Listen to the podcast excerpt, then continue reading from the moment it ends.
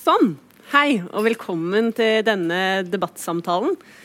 Eh, det er etter hvert blitt en eh, tradisjon at eh, Norsk Kritikerlag og Festspillene i Bergen samarbeider om en debattsamtale under Festspillene. Og i år er jeg her da mest som redaktør for scenekunst.no fordi vi har inngått, gått inn i dette samarbeidet som eksisterer og skal også gjøre dette som en del av vår podkast Scenesamtaler. Og den vil også bli, samtalen vil også bli lagt ut på Festspillene i Bergens eh, uh, podkastserie, som vidt jeg har skjønt. Eh, og det er da Scenekunst.no og Festspillene i Bergen som finansierer dette. og etterpå skal vi ha en utdeling av årets kritikk. Og jeg heter Julie Rogne Amundsen, det glemte jeg å si, og er da redaktør for Scenekunst.no. Eh, og samtalen i dag skal handle om én eh, forestilling. Vi har tre kvarter som vi skal prøve å bruke ulike kritikerperspektiver på å snakke om én forestilling. Og den forestillingen er The American Moth av Allan Lucien Øyen og Winter, hans kompani da Winter Guests, som hadde premiere i Grieghallen i går. Eh, Allan Lucien Øyen er en eh, kunstner som jeg mener at man kan plassere i tradisjonen eh, danseteater. Eh, han er koreograf opprinnelig, men eh, bruker veldig mange ulike kunstarter i sine verk. Eh, så det er både dans og teater og musikk og alt mulig. Derfor er dette også en ypperlig forestilling å diskutere på denne måten. Så da med meg her i dag har jeg mm, danser- og dansekritiker Magdalene Solli. Teaterkritiker Charlotte Myrbråten. Og musikk- og operakritiker Hilde Halvorstrøm. Hilde er også fagredaktør i scenekunst.no, da, får jeg, får jeg si. Mm -hmm. um, og jeg har eh, lyst til å begynne med å spørre dere én etter én uh, hva dere syntes om den uh, forestillingen. Hilde, har du lyst til å begynne med å si hva du syntes om forestillingen i går? ja. jeg syntes veldig mye. um, Men hvis jeg skal begynne med det, et slags hovedinntrykk, da, så vil jeg jo si at jeg syns den lykkes med å trekke meg inn. Jeg følte at den, jeg ble trukket inn i noens mørke hjerne. Eh, eller kanskje mange forskjellige hjerner. At det var et veldig tydelig rom som jeg opplevde som et slags Kanskje mer et mentalt rom enn et fysisk rom. Og jeg ble eh, liksom revet med eller ja, tatt, tatt inn i noe. Men så var det også noen distraherende ting som hele tiden trakk meg liksom ut. Um, jeg syns f.eks. at uh, det var noen tekniske liksom, ting som var litt forstyrrende. Som at uh, um, man ville gjerne se på danserne som var på gulvet. For de, jo, de var jo på uh, i, det, på det fysiske scenegulvet. Men så var det også en stor skjerm som viste nærbilder av ting. Og så var det tekst helt øverst.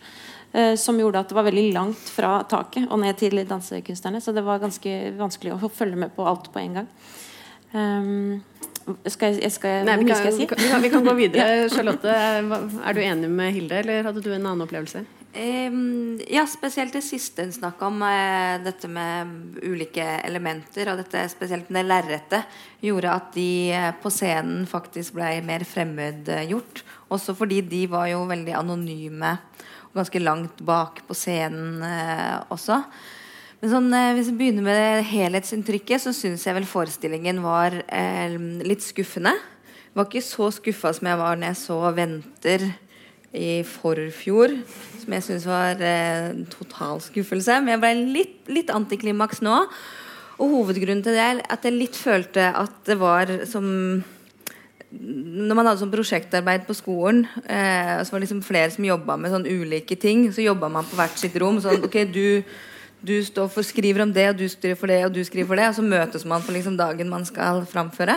Og sånn fikk jeg inntrykk av nå. At det, det var mange fine hva det heter, bestanddeler, men at det ikke var eh, gikk ikke opp i en eh, høyere enhet.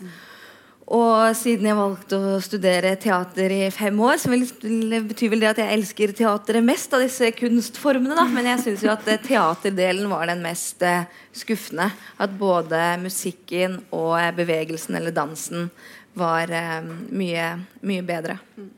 Magdalene, har du noen noen andre perspektiver? Jeg syns den var veldig sånn svulstig. Um, veldig dramafylt. Og det var mange øyeblikk hvor jeg syns det var, liksom var I motsetning til Hilde, da, så syns jeg det var vanskelig å ta imot forestillingen, da, på en måte. Fordi jeg liksom kjente på at jeg syntes det var veldig mye um, ja, litt sånn klisjéfylte øyeblikk, på en måte. Um, men jeg syns at jeg opplevde det veldig ulikt på filmen og på scenen. Og jeg syns egentlig uh, filmen som ble vist, var et mye bedre verk i seg selv enn det jeg syns forestillingen var, da, kanskje. Mm. Ja, og disse kameraene da, som det sto at i programmet skulle være liksom forstyrrende, og sånn, det syns jeg egentlig ikke var eh, forstyrrende i forestillingen, men jeg syns det var med å gjøre forestillingen. Um. Men kan jeg bare jeg, jeg, jeg, har ikke tenkt å være en helt sånn nøytral ordstyrer her, for jeg er jo også teaterkritiker selv og har, sitter inne med masse tanker og meninger om denne forestillingen. Eh, men for å gå litt videre på det Charlotte sa om at kanskje teaterdelen var den svakeste, eh, men og at bevegelsene kanskje var mer spennende. Men jeg tok meg å notere ned 'shut up and dance'. eh, fordi eh, det er jo flere steder i forestillingen hvor eh, danserne også fremfører replikker mens de danser. Eh, og jeg merket for min del at jeg syntes at det var litt distraherende, fordi at jeg ikke visste helt hvor jeg skulle rette oppmerksomheten min. Uh, men som liksom med fra det dansefaglige perspektivet uh, Skulle du ønske de bare danset? Uh, nei, egentlig ikke. Jeg syns det er fint at danseren ikke er en sånn uh, mute body, på en mm. måte, men at den også får komme med flere språk enn uh, bevegelse. Um, så jeg tenkte heller altså, Som kunne jeg heller snakket om kanskje også skuespillerne kunne danset, da, for. Mm. Um, enn at danserne kunne vært stille. Mm, ja. Er det noe mer, å, mer du har lyst til å si fra det danseperspektivet om dansen i forestillingen? Um, altså Det var veldig pen, på en måte, hvis man kan si det. Eller sånn veldig um, klassisk, uh, tenker jeg. Um, altså God blanding av en del ja, sånne klassiske trinn uh, og mer hverdagslige gester. Da, satt etter hverandre. Mm. Men den tok jo veldig mye plass, på en måte og det var noen ganger det føltes litt sånn abrupt. på en måte At nå bare bryter jeg ut i en sånn veldig ekspressiv dans. da mm. Um, men jeg synes, ja, altså tilbake til det der med masse forskjellige bestanddeler, så syns jeg egentlig ikke det var forstyrrende, men at det var mer uh, noe som gjorde at jeg slo meg til ro med å ikke få med meg alt. da mm. um, ja, Charlotte, eh, hvorfor syntes du at eh, teaterperspektivet var var det, eller var, det var ikke et riktig ord, men eh, at teaterdelen av det uh, fungerte dårligst. Vi hadde jo til og med Liv Ullmann. Ja. Ja, Liv Ullmann er en del av problemet. Største problemet er jo at jeg syns mye av sceneteksten var eh, svak. Eh, du sa svulstig. Jeg skrev at det var veldig sentimentalt. Ja. Og mener at det er liksom akkurat, Jeg er helt enig med deg. At det var um, Når man skal oppsummere et langt liv, og sånt nå, så er det jo selvsagt lett at det er store følelser i sving. Men da var det, da var det mye hjerte og eh, smerte. Og så var det jo en del eh, forventninger nettopp knytt til Liv Ullmann. Når jeg leverte inn min anmeldelse til BT, så kom den på trykk, og så ringte liksom hun som er kulturleder. Det er altfor lite Liv Ullmann! Og så måtte jeg skrive liksom et eget eh, Liv Ullmann-avsnitt. Men jeg mente i min tekst hadde jeg skrevet at denne kvinnelige danseren hun var et høydepunkt eh, for meg. Og da tenkte jeg da at når jeg sier at den kvinnelige danseren er høydepunkt, så da betyr det at det er det ikke Liv Ullmann som er. Men da måtte jeg liksom ha at eh, Visstnok så var det en enorm eh, forventning å høre hvordan Liv Ullmann eh, eh, var. Så skrev jeg inn det, men det jeg syns var litt irriterende og litt feigt, er jo at den rollen Liv Ullmann spiller, hun er jo veldig tutlete Eh, hvis noe feil gjøres, så kan det bare tilskrives. Det er en del av rollen. Mm. Hvis hun sier noe feil, så passer det en del av rollen. Hun kan jo gå med manus. Mm. Hele rollen, om det liksom er det manuset, den karakteren hun er, eller om det reelle hele manuset Liv Ullmann er der. Eh, antageligvis. Men har liksom de lagd den rollen eh, så at hun kan liksom eh, Ja. Alle feil hun gjør, kan være liksom en del av pakka. Og det er litt sånn lettvint måte, på en måte. At det er vanskelig å si om Liv Ullmann var bra eller dårlig. Liv Ullmann var liksom Liv Ullmann, sånn som man kjenner henne med den lyse framtoninga, den hudløse stilen. Eh, det var en scene hvor jeg liksom tenkte sånn Nå spiller Nå er det noe, er det noe som er bra. og nå er det mm, nerve her, da. Og det er jo den scenen med datteren mot slutten hvor eh, det skjer liksom et sånn brudd og et sånt klikk. Da var liksom sånn Nå ser man storheten Liv Ullmann i sving her. Men ellers så syns jeg man ikke har benytta anledningen til å eh, ja, få Liv Ullmann til å skinne på en god nok eh, måte. Det er en veldig enkel måte å få en 82 år gammel skuespiller som har vært veldig svær, til å spille, til å spille en dement 82 år gammel skuespiller. Hilde, hadde du, du, hadde også noen tanker om Liv Ullmann? Hadde du ikke det? Før vi går eh, jo, jeg, jeg synes det var en av de liksom tekniske, litt forstyrrende tingene. At jeg ble sittende og lure på hva er spill og hva er ikke spill. Mm. Og det skal man jo ikke trenge å lure på hvis, ikke det en, hvis det ikke er en greie i forestillingen. Og det fikk jeg ikke inntrykk av at det skulle være. Men eh, jeg hadde bare lyst til å slenge meg på det med svulstig. Eh, fordi jeg hadde, jeg hadde, sett for meg at jeg skulle snakke veldig mye lenger første gang du spurte meg. Så jeg hadde syv poeng til. Men i hvert fall, jeg var veldig enig i det med, med at teksten var svak. Og jeg tenkte at det jeg syns var problemet, var at den teksten veld, den er veldig insisterende på å fortelle meg hva jeg skal føle. Det, det er vanskelig å skrive en tekst om, hvor man skal kommentere eller fortelle om hvordan man selv har håndtert livets store spørsmål. Jeg likte Min favorittscene i forestillingen var den som var helt annerledes. Som, som var bare en liten sånn sekvens bare, hvor det bare skjedde noe som ingen forklarte. Hvor det var en, en eldre mann som skulle bruke en sjekkeapp for første gang og var på jakt etter menn.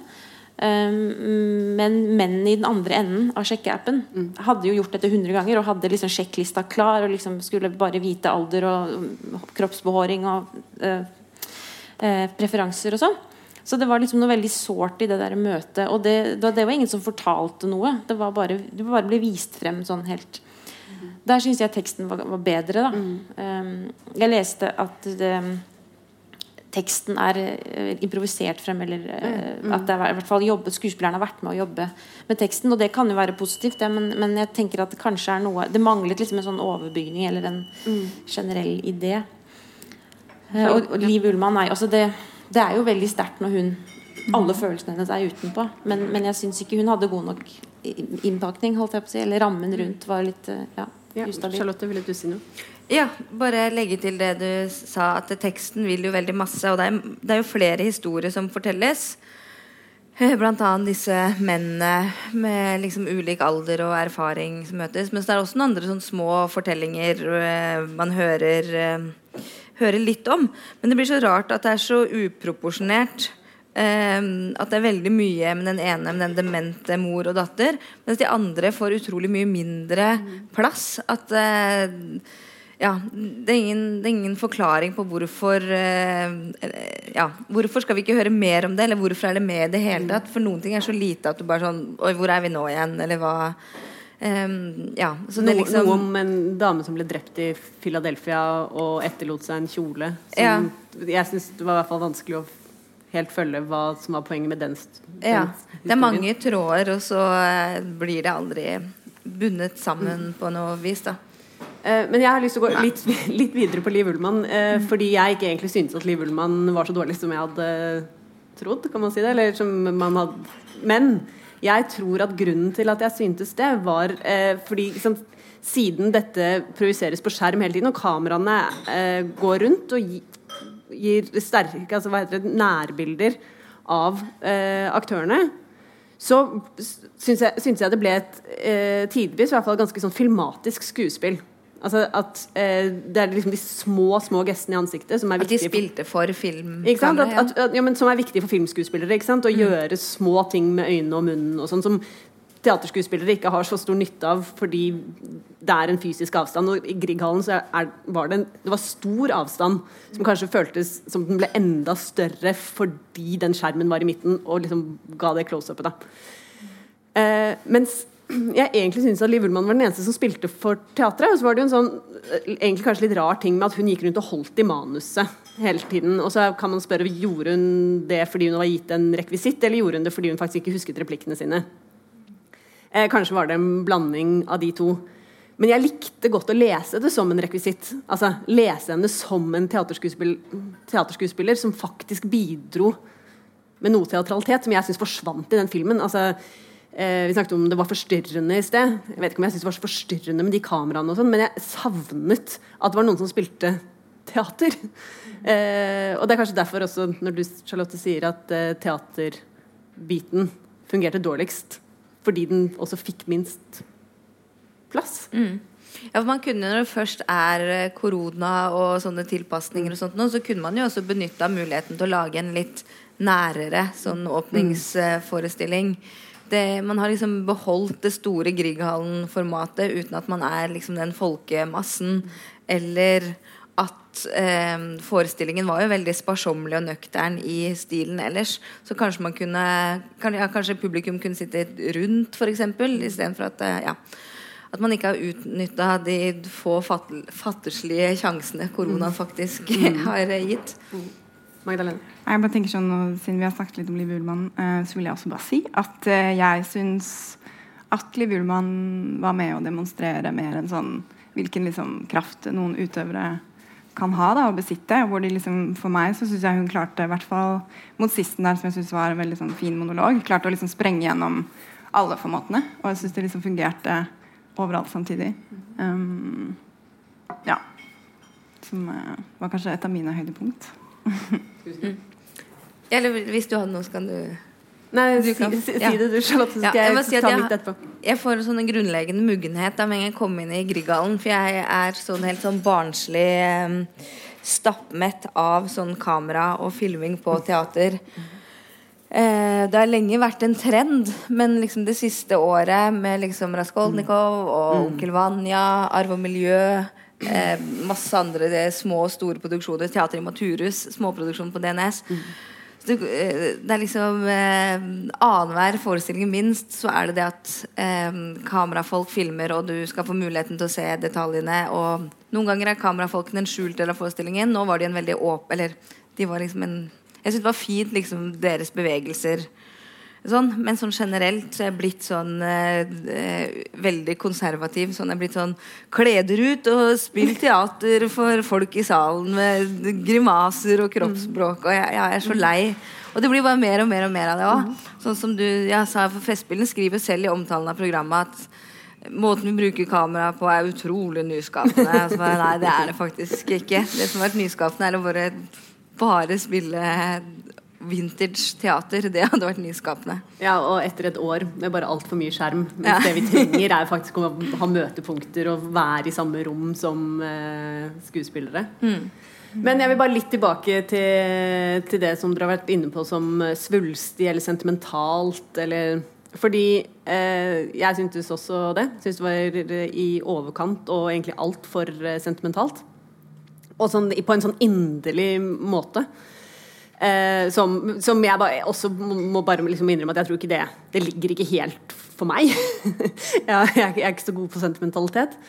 Eh, men Hilde, jeg har lyst til å spørre deg litt om musikken. fordi at For meg som teaterkritiker så var det sånn helt umiddelbart bare sånn utrolig deilig med det store orkesteret. Altså, man bruker jo ikke orkestergravene på teatrene lenger. Altså, det er jo så sjeldent man får lov til å være eh, som teaterkritiker da, på teater med et så stort eh, profesjonelt. Dette var jo da Bergen eh, Filharmoniske Orkester som liksom var der.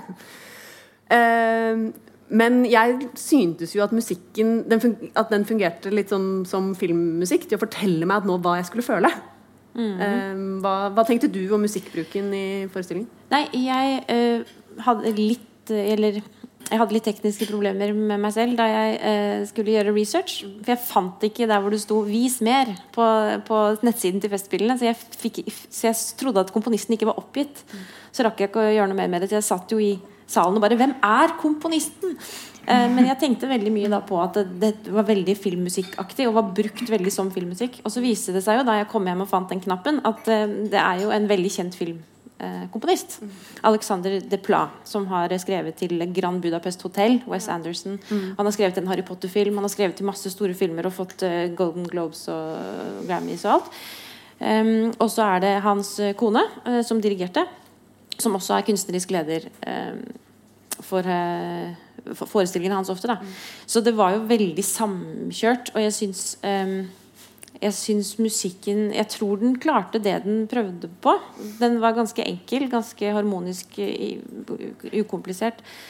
Um, mange enkle melodier som ble gjentatt. Um, og den gjorde akkurat det som du sier deg enig i, at den, den bygget opp under det som skjedde. Den, den eh, utfordret sjelden det som skjedde på scenen. Den, den var sånn bakteppe. Den var sånn som som man kan kanskje si at god filmmusikk er. Da, at uh, Man legger ikke merke til den. Den bare er en del av, av helheten. Eh, men hvis du tok den bort, så ville man jo savne den veldig.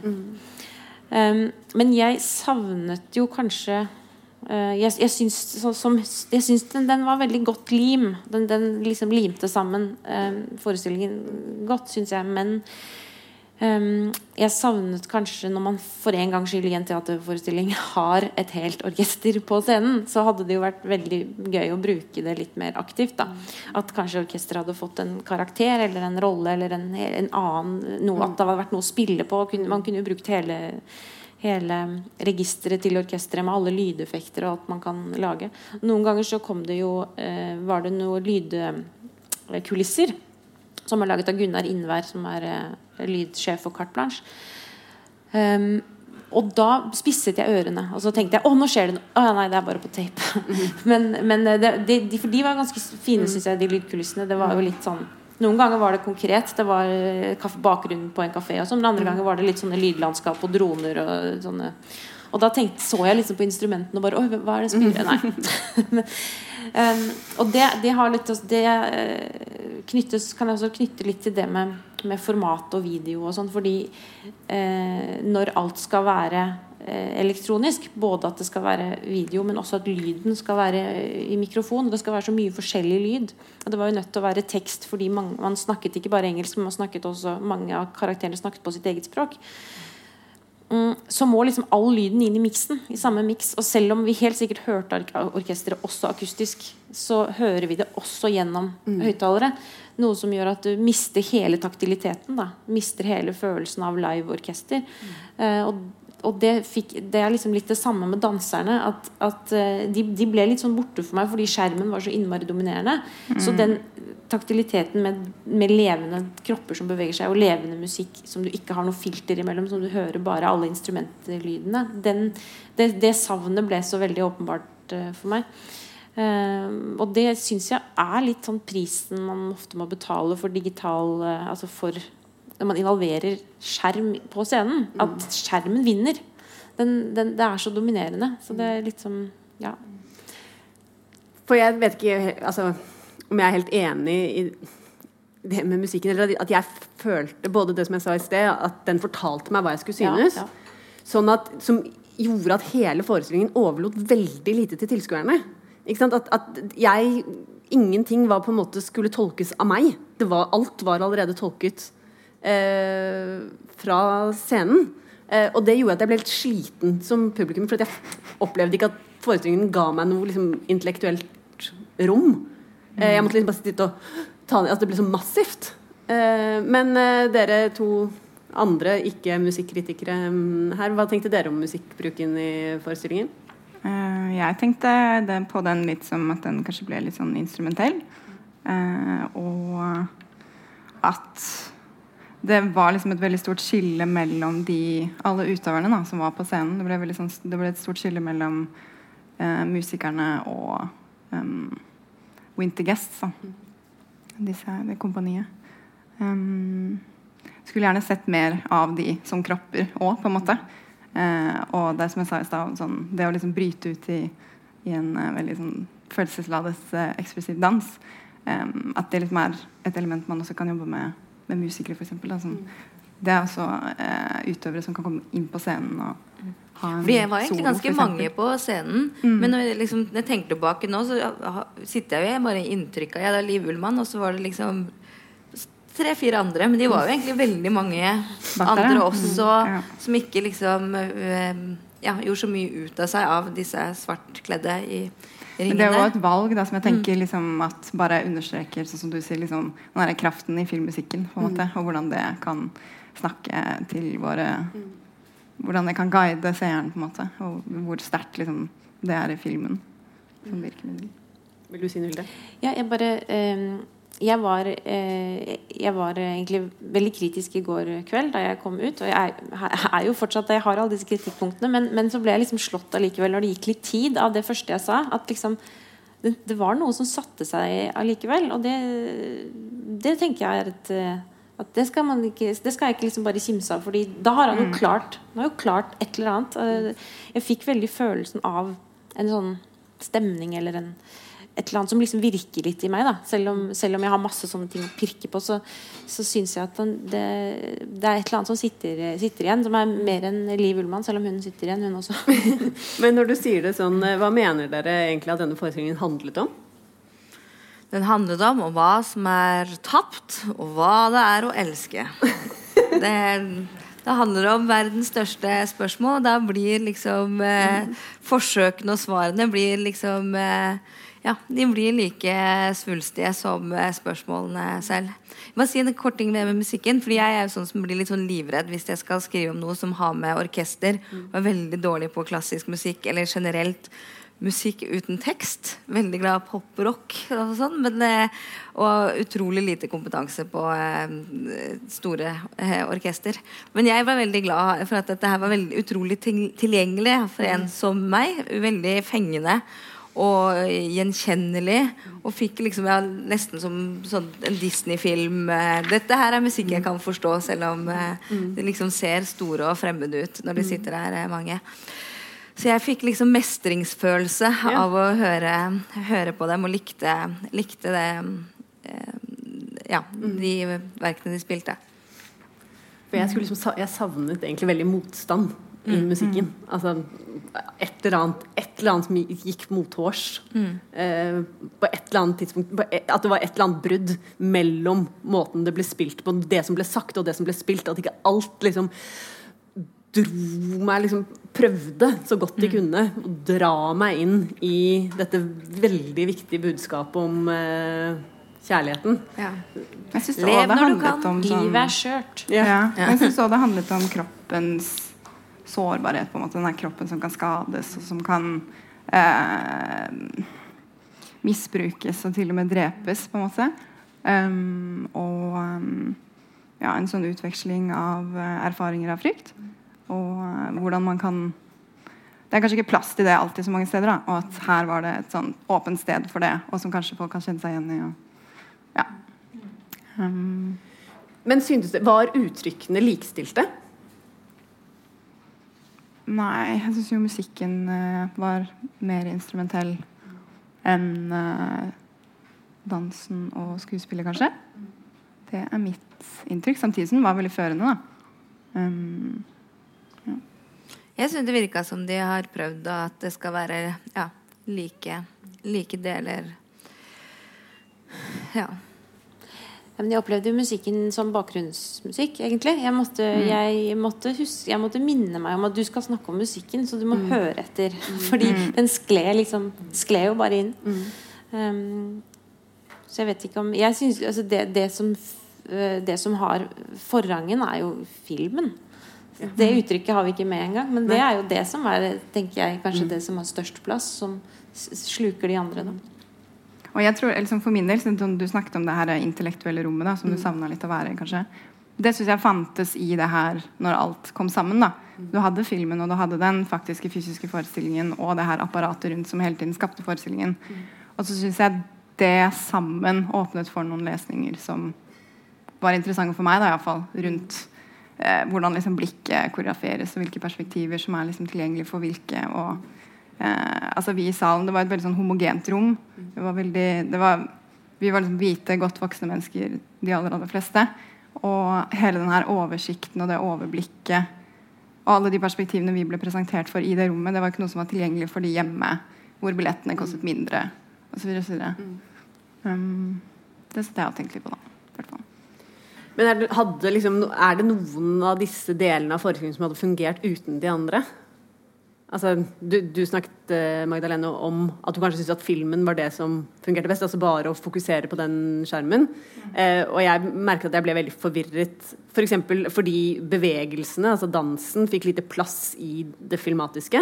Det var veldig mye, var veldig mye ansikter i den eh, filmen. Og så hadde jeg mye mer lyst til å se på at de danset, enn å se på ansiktene deres. Jeg merket fort at jeg var lite interessert i det. Men, men blikket mitt gikk hele tiden mot den skjermen. Eh, og der var jo også hele forestillingen tekstet. Eh, og av en eller annen grunn så ble det spilt både på norsk og engelsk. Eh, uten at jeg helt skjønte hvorfor de ikke bare kunne spille alt sammen på engelsk. Eh, det var jo åpenbart eh, aktører med som ikke snakket norsk. Jeg tror det var et bilde der for å konkretisere det at vi mennesker ikke alltid snakker samme språk, og det blir vanskelig å kommunisere, og, Ja. men egentlig er vi glad i hverandre Ja, og de tematiserte jo det helt på ordentlig, hvor, hvor den ene karakteren skal snakke norsk, og den andre skal snakke kinesisk. eh, for så vidt. Men jeg, Også en jeg, overtydelig scene. Ikke sant? Ja.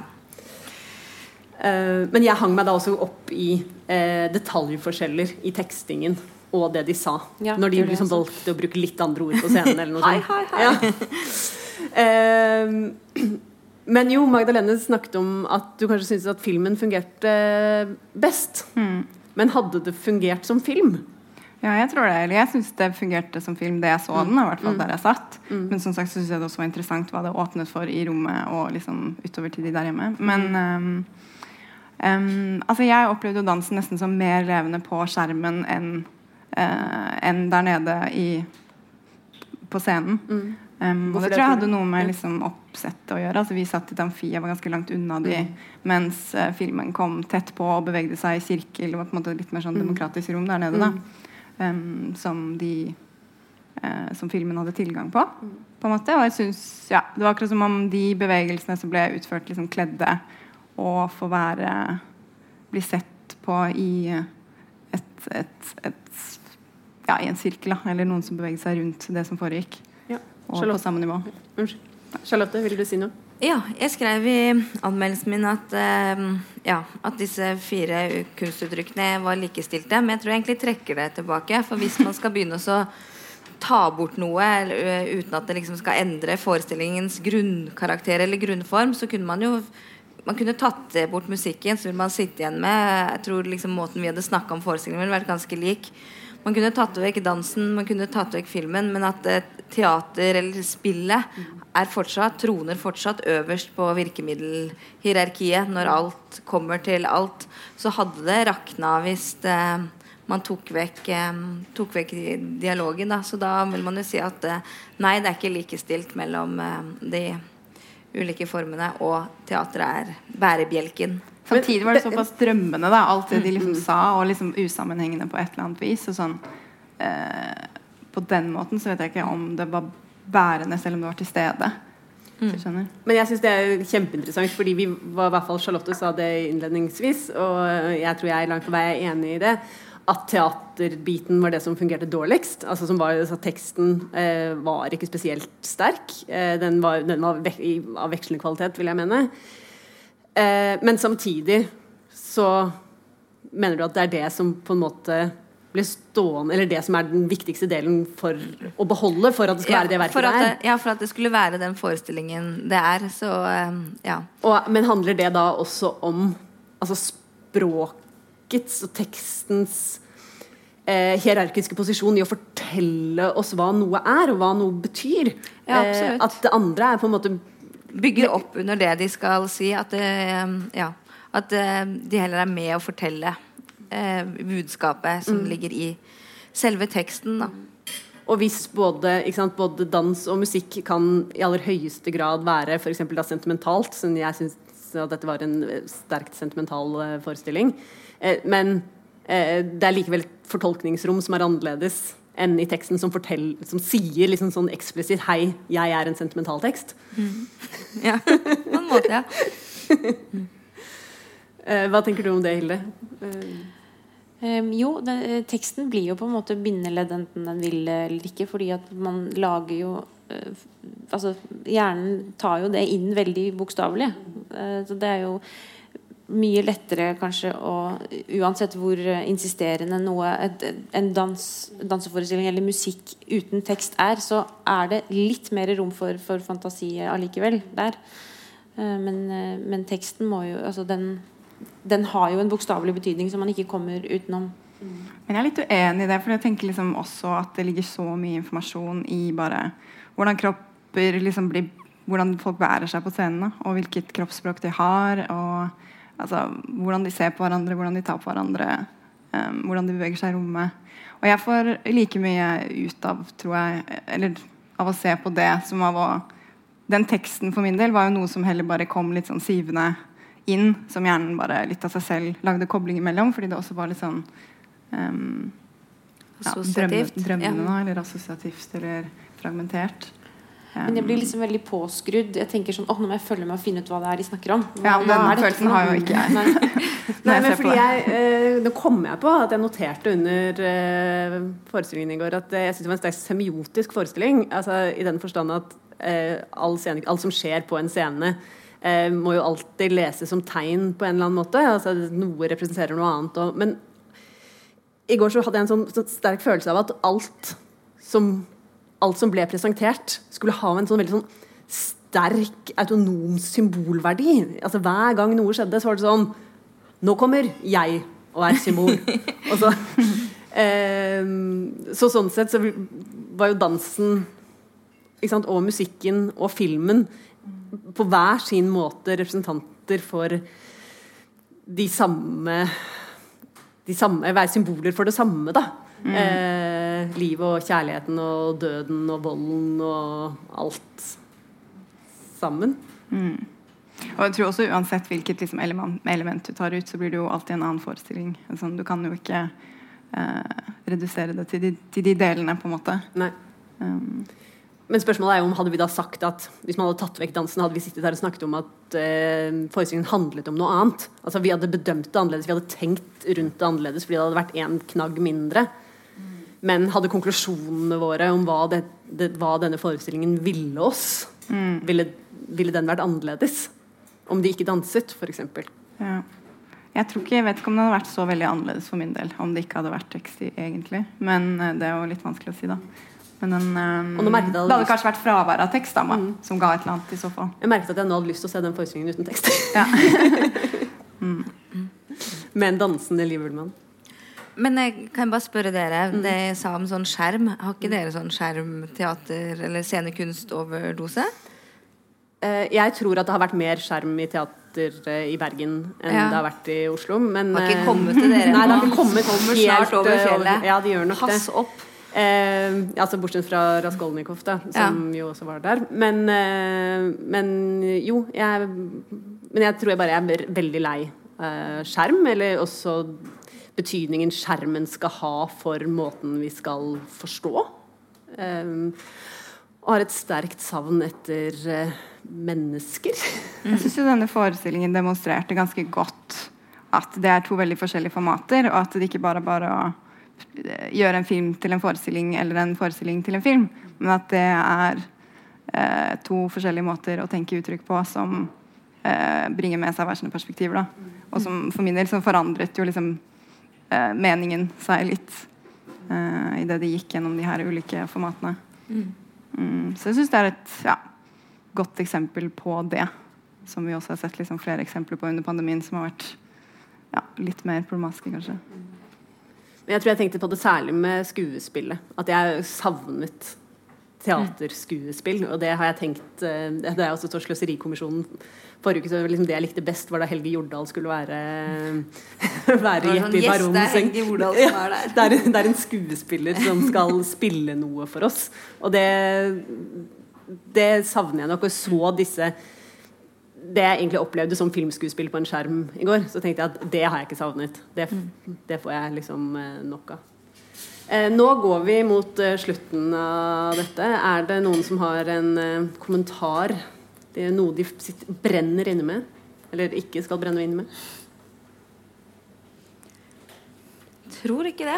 Nei, skal vi bare, Var det en god eller var det en dårlig forestilling? Det var en helt middels forestilling. Jeg syns den var god som en sånn metaforestilling. Så syns jeg den var god. Ja, nei, Jeg har jo egentlig sagt litt om det. At den, den, den sitter i meg som et slags uttrykk. Men hvis jeg skal inn og pirke, liksom, se på de ulike bestanddelene, så syns jeg det er mye som ikke fungerte så bra. Ja, det er jeg enig i. Sånn, ja. Jeg tror jeg vil si at jeg tror det er en referanseforestilling. Ja. Jeg tror Som man kan referere til siden når, når man trenger det. Greit. Tusen takk. Takk.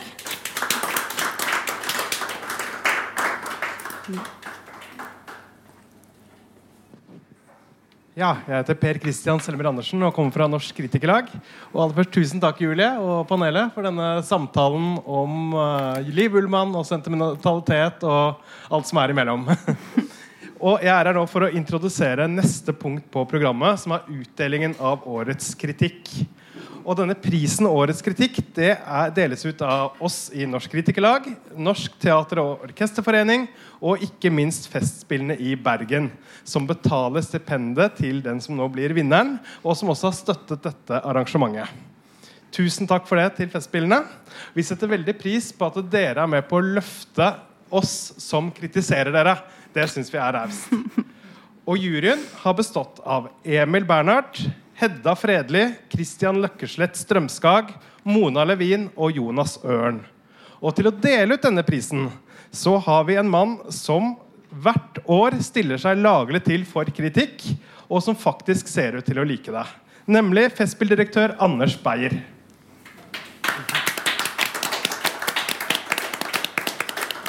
Ja, tusen takk fordi jeg måtte være med her. Vi skal huske å holde avstand. um, så kjekt å, å, å se dere, uh, og uh, så kjekt å kunne utdele denne pris i dag.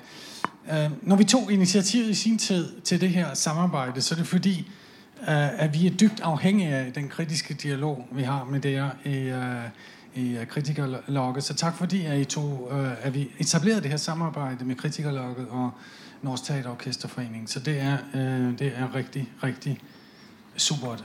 Det jeg har alltid synes jeg var et kæmpe privilegie for meg selv, det er at jeg har hatt mulighet for å reise rundt i verden sådan, og finne ut av hvor, hvor, hvor, hvor, sker det interessante. Hva er de nye bevegelser i Tyskland, Frankrig og osv. internasjonalt. Jeg, jeg, har selv en fortid som, øh, som, kritiker på en lille intellektuell avis i Danmark som heter Information, hvor jeg hadde den glede av å skrive i ni år. Så jeg vet noe om hvor viktig det er at vi har den her levende øh, levende dialog, hvor I kan bite oss i haserne, øh, når, vi, øh, når vi trenger til å sjappe oss. Eller, eller, eller, eller, eller som Adorno sa, hvis kritikeren skal være på nivå med komponisten og egentlig komme med irettesettelser til hvordan han kan skrive en bedre sats. Nå er det jo lang tid siden Teddy han øh, satte sine ben på, i Frankfurt, men øh, men øh, jeg nød i hvert fall i min tid stor, stor fornøyelse ved å oversette ham til dansk. Og det å nå det niveau øh, og forsøge å strække seg mot de bedste inden for faget, det vil vi gerne bidrage med her øh, i, i Festspillene. Og, øh, og liksom sørge for at, at, at, de gode talenter kan få mulighet for å rejse ut. Og liksom bli, kanskje bli litt klokere på hva, hva, hva, hva der rører seg i verden. Og, og, ikke minst at man så innenfor bransjen liksom kan strekke seg mot dem, dem der skriver godt, øh, og, og, dele de erfaringer. Så kommer jeg lige til å lese noe opp her øh, som, øh, som, øh, som, går på den her melodi. De siste årene har jeg oftere og oftere fått lyst til å kaste radioen hardt i veggen. Slik åpner musikkritiker Hilde Halvorsrød sin flammende kommentar om demonteringen av NRKs kulturdekning generelt og Statskanalens stadig mer stedmoderlige behandling av den klassiske musikken spesielt. Kommentaren ble publisert på nettstedet scenekunst.no den 3. desember tykke, tykke og affødte umiddelbart en av vinterens store kulturdebatter.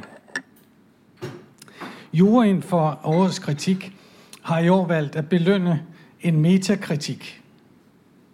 En kommentar som tar for seg et bredt fenomen uten konkret forankring i et spesifikt verk.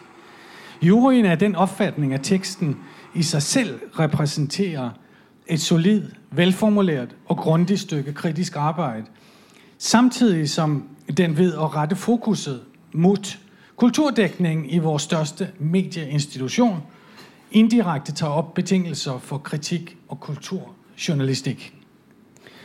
Kombinasjonen av nøyaktighet, språklig klarhet og personlig intensitet gjør kommentaren til et forbilledlig eksempel på effektiv metakritisk virksomhet.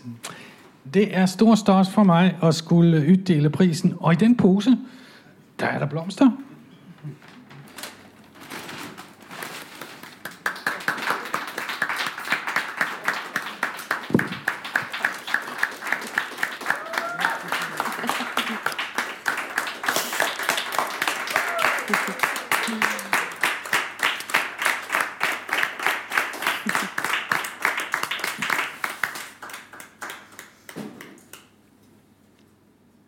Tusen takk.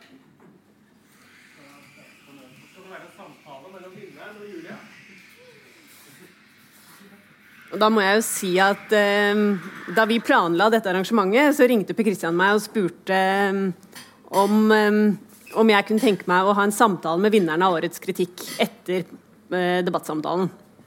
Og det sa jeg jo at det kunne jeg jo gjerne tenke meg. Og så sa jeg, sa jeg jo, men det kunne jo hende at eh, liksom teoretisk sett da, hvert fall, så var det jo kanskje en mulighet for at jeg ville komme til å være redaktør for den teksten som ble eh, som vant. Og så tenkte jeg at det var jo en litt teit ting å si, da.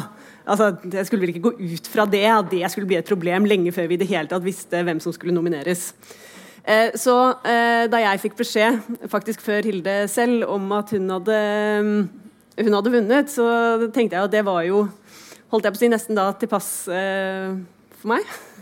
Jeg er veldig stolt, eh, men har ikke tenkt å legge skjul på det litt rare i intervjusammenhengen i at vi da begge er redaktører for scenekunst.no og jobber sammen eh, til daglig. Kan du også si at Hilde ved siden av er eh, doktorgradsstipendiat på Norges musikkhøgskole. Eh, så. Eh, men den teksten som du har vunnet for i dag, eh, er en tekst som jeg må si at jeg som redaktør også har vært stolt av og glad for, fordi eh, det reiste en stor debatt.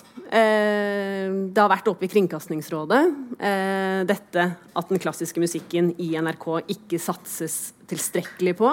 At eh, det eh, blir mindre og mindre. Ehm, og vil jeg si at jeg kanskje også syns at svarene fra NRK-ledelsen har vært eh, ekstremt dårlige. Eh, jeg skal heller ikke prøve å være nøytral her og si at jeg er uenig eller ikke, eller ikke bry meg om hva Hilde mener i den teksten, for du er ganske skarp mot eh, NRK. Men først hvor, Hvorfor mener du at klassisk musikk må ha mer plass i, eh, på NRKs sendeflater? Um, ja, det er et stort spørsmål. Men eh, eh, det er jo uh, kanskje først og fremst fordi det ikke, sånn som det er nå, gjenspeiler virkeligheten. Altså, det er så mye som skjer på klassisk musikkfronten i Norge, som folk flest, hvem nå det enn er, ikke får høre om. Eh, fordi at kulturdekningen i eh, alle medier er jo veldig nedskåret og, og eh, blitt ganske smal da, og dekker mye populærkultur. Men vi har jo eh, ti distrikts- og regionoperaer eksempel, i Norge. Eh, det er eh, symfoniorkester i alle store regioner. Det er masse kammermusikkfestivaler som er internasjonalt anerkjent. Norske utøvere gjør det enormt stort i utlandet. Særlig på operasangerfronten nå så er det jo masse store navn som i andre land er veldig kjente, men som her har man kanskje hørt om et par, par av dem. Så, så det er, og det er ingen som dekker det. Altså, dette er et stort felt som veldig mange er opptatt av, eh, som det ikke skrives noe om. Eh, så det er jo viktig fordi det finnes. Eh, og så er det også viktig fordi at det er ganske mye offentlig støtte til klassisk, klassisk musikk og orkester og sånn. Og hvem er vaktbikkja? Hvem passer på hva de driver med? Noen må passe på det. Um, og så er det jo masse gra grasrot, eh, grasrot mus klassisk musikk også. Kulturskoler og korps og Det er masse folk som er opptatt av det, som ikke har noe sted å høre om det. eh, Og lese om det. Um, men så er det jo også et problem for fremtiden. At, at hvis eh, man er interessert i å bevare klassisk musikk som uttrykk, så må jo barn lære om det. Folk må høre om det, folk må ha et forhold til det, folk må vite at det finnes. Um, og øh, hvis ikke, så vil jo Hva med neste generasjon politikere? Vil man fortsatt synes at det er en god idé å bevilge penger til ting man aldri har hørt om? Ting man ikke har noe forhold til? Fordi I den teksten din, så det som du innleder med å si at uh, du holder på å kaste radioen i veggen um, Andre kunne jo bedt deg om å slå av. men, men, vold er jo, eller ødelegging er jo også et alternativ, kanskje. Men du kritiserer NRK for, uh, for, pra, for prateradio. Ikke sant? For koseprat. Mm. Um, går ikke denne kosepratingen eh, på bekostning av mange flere ting enn bare den klassiske musikken? Jo, og det var jo problemet da jeg skrev den teksten. At jeg hadde jo lyst til å gjøre den ti ganger så lang. Fordi eh, etter at dette ble en stor diskusjon, så har jo mange andre meldt seg på. Forfatterforeningen f.eks. For og uh, mange som har hisset seg opp over Maskorama.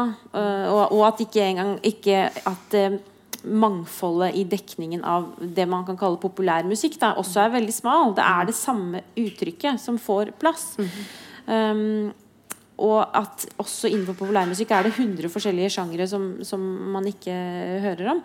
Um, så, så, sånn musikkmessig så er det også veldig mye annen musikk som man ikke får høre om. Men, men eh, det er jo også uh, lyrikk. Det, det, eneste programmet som handlet om lyrikk, ble jo tatt av for noen år siden. Um, ikke noe program om teater? Nei. De er en veldig flink teaterkritiker, da, det skal ja. jeg si, men de eh, la jo ned det ene programmet de hadde som handlet om scenekunst. Ja. Mm. Så det er absolutt ikke Det er absolutt et kulturproblem. Og det var jo noe av det Det, det er, noe, det jo den formuleringen jeg på en måte har kommet tilbake til. Og det er eh, kulturforståelsen er så smal. For vi, vi, er jo vant til å snakke om smal og, smalt og bredt. At den smale kulturen liksom er det sære og annerledes og samtidsmusikk og eh, performancekunst og sånn. Men, men, det som virkelig er smalt, er det hyperkommersielle, liksom den midten midten av den aller mest eh, spiselige for de mm. fleste musikken eh, eller kulturen eller seriene på Netflix eller hva som helst. Altså det som er absolutt mest strømlinjeformet og kommersielt, det er det som er et smalt estetisk uttrykk som dominerer alle flater. Og det er, det som, det er der radiokastingen kommer inn i bildet. Fordi, fordi jeg eh, er jo ikke bare eh, veldig glad i all mulig kultur. Jeg er også veldig lite glad i kommersiell popkultur. Så jeg vil ikke høre på det. Jeg vil ikke høre om det. Jeg vil ikke vite hvem Kim Kardashian er. Jeg vil leve til jeg dør uten å noen gang høre om henne. Og det kunne man før hvis man hørte på P2. Det kan man ikke lenger. Nei, nei, det er sant. Det er for mye Kim Kardashian i, overalt, i NRK P2. Overalt! um, fordi det er jo faktisk noe veldig rart i å snakke om For dette har jo vært svarene fra NRK-ledelsen. Uh, at må, de, må, de må satse bredt. Men hvis man fjerner alle ytterpunktene, ikke sant? hvis man fjerner alt som er her ute, så kan ikke jeg se noe annet enn at det blir et ganske smalt altså, Da mister man jo bredde, da. Uh, gjør man ikke? Uh, og jeg nevnte for deg også før uh, i sted at uh, et av de programmene jeg nå fremdeles liker veldig godt på P2, det er Folkemusikktimen. og det er ikke fordi at jeg er så innmari glad i folkemusikk. jeg har aldri interessert meg spesielt for det. Men det de gjør i Folkemusikktimen, er at de henter inn folk som kan skikkelig mye. Og så ble, for, en stund tilbake så hørte jeg et program om munnharpebruk i norsk og svensk folkemusikk. En ting jeg innrømmer at munnharpe for meg er sånn som Spellemannsprisen ser ut, bare liten. Eller liksom Jeg har liksom ikke tenkt så mye på eh, på munnharper. Men plutselig så var dette her en sånn ting som bare åpnet perspektivene mine litt. Jeg gikk ikke inn på Spotify og søkte opp den musikken etterpå. eller noen ting. Jeg bare, bare følte meg et perspektiv rikere i livet, da. Um, og, og, men det er så få igjen av disse her. Uh, for ti år siden så hadde de jo et eget program for korpsmusikk. Det var den halvtimen jeg måtte slå av P2 jeg, jeg, jeg, jeg har gått i korps mye. Eh, men, eh, men, det var så mange eh, kulturarenaer og kunstretninger som hadde sin plass på radioen. Eh, men nå er det ikke det. Nei, altså det, det som er det mest provoserende med svarene fra NRK-ledelsen, det, det, er jo at de nekter å definere hva det betyr å nå ut bredt. For de bare gjentar det.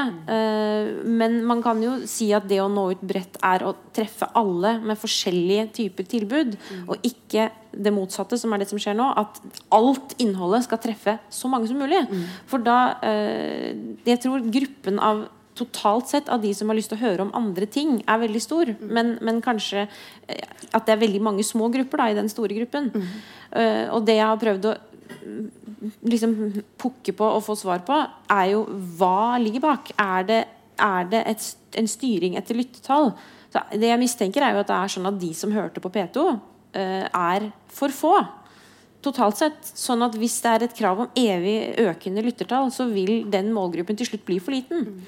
For det er jo ikke noe logikk i at man skal ha popmusikk på P3 som er tilpasset et publikum som liker det, og så skal man ha en litt annen type mye norsk og sånn popmusikk på P1. Og så skal man ha en kanal som heter P2, men der skal det også bli popmusikk. Så det gir jo ikke noe mening at de skal ha så mange forskjellige Og kanaler. de har heller, jo P13 ikke- også. P13 har de også. Så uh, hva som om, altså Er det det som ligger bak? At man vil, vil at hvert eneste program skal ha så mange lyttere som mulig? Da må jo alt innholdet være tilpasset et slags sånn minstefelles multiplum eller noe sånt. Men det vil de jo ikke innrømme, hvis det er det som er uh, agendaen. Men NRK refererer jo selv også da hele tiden til NRK Klassisk. Ja. Men kan man ikke bare høre på NRK Klassisk, da? Eh, jo, men det er en kanal med veldig lite ressurser. Eh, de har litt flere ressurser enn NRK Jazz, som så vidt jeg har fått med meg, har én ansatt. Men det er, ikke, det er eh, veldig mye av tiden så er NRK klassisk eh, eh, avspilling av verk uten noe særlig kontekst og samtale. Eh, det er jo billig. Eh, og noen av musikkommentarprogrammene er flyttet til NRK Klassisk, så de, det er noe innhold der som er, som er, eh, er fint. Men, men det P typiske P2-programmet, da, sånn som det var før, som er et dyptpløyende program med mange som kan mye om det de snakker om, som snakker i dybden om ting. Eh, sånne type musikkprogrammer er det veldig få av på NRK Klassisk. Um, og hvis man har NRK Klassisk på hele dagen, så vil man også få veldig mye repriser. De spiller mye av det samme, og de, spiller, de deler opp verkene. Så det kommer en sats eh, med noe barokkmusikk her, og så kommer det en sats fra Beethoven der, og så er det liksom Man får ikke noe kunstopplevelse uh, da, på den måten. Og så har jeg tenkt på det med rollen, altså rollen som allmennkringkaster i å lære uh, lytterne ting som de ikke eh, visste at de ville vite. Altså, Ref det at jeg hadde lyst til å høre om denne svenske munnharpemusikken. Eh, som var noe jeg aldri hadde visst. Altså Hvis det fantes en NRK Alltid munnharpe, så hadde jeg aldri skrudd på det. Eh, men så lærte jeg noen ting. Eh, og komponist Eivind Buene han eh, skrev en, et essay faktisk i Klassekampen som en oppfølgingssak til eh, kommentaren din, hvor han ganske fint forklarer hvordan det var å være ung og musikkinteressert i, i Lier. Hvor Altså, ingenting vondt om Lier, men det er ikke liksom klassiske musikkbygda i Norge, kanskje. Eh, men der, fordi han kunne sette på P2, så fikk han en musikkutdannelse som gjorde at han skjønte at det å spille gitar i band ikke var det han hadde mest lyst til å gjøre. Eh, som var det han hadde gjort til da, fordi det var det som var det kanskje det vanligste å gjøre hvis man var interessert i musikk eh, i Lier. Eh, og at ja, NRK har et ansvar for å lære oss ting vi ikke visste, eller? Ja, jeg, eh, jeg er veldig enig i det.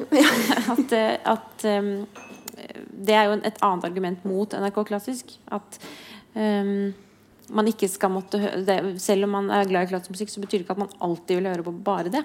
Nei. Nei.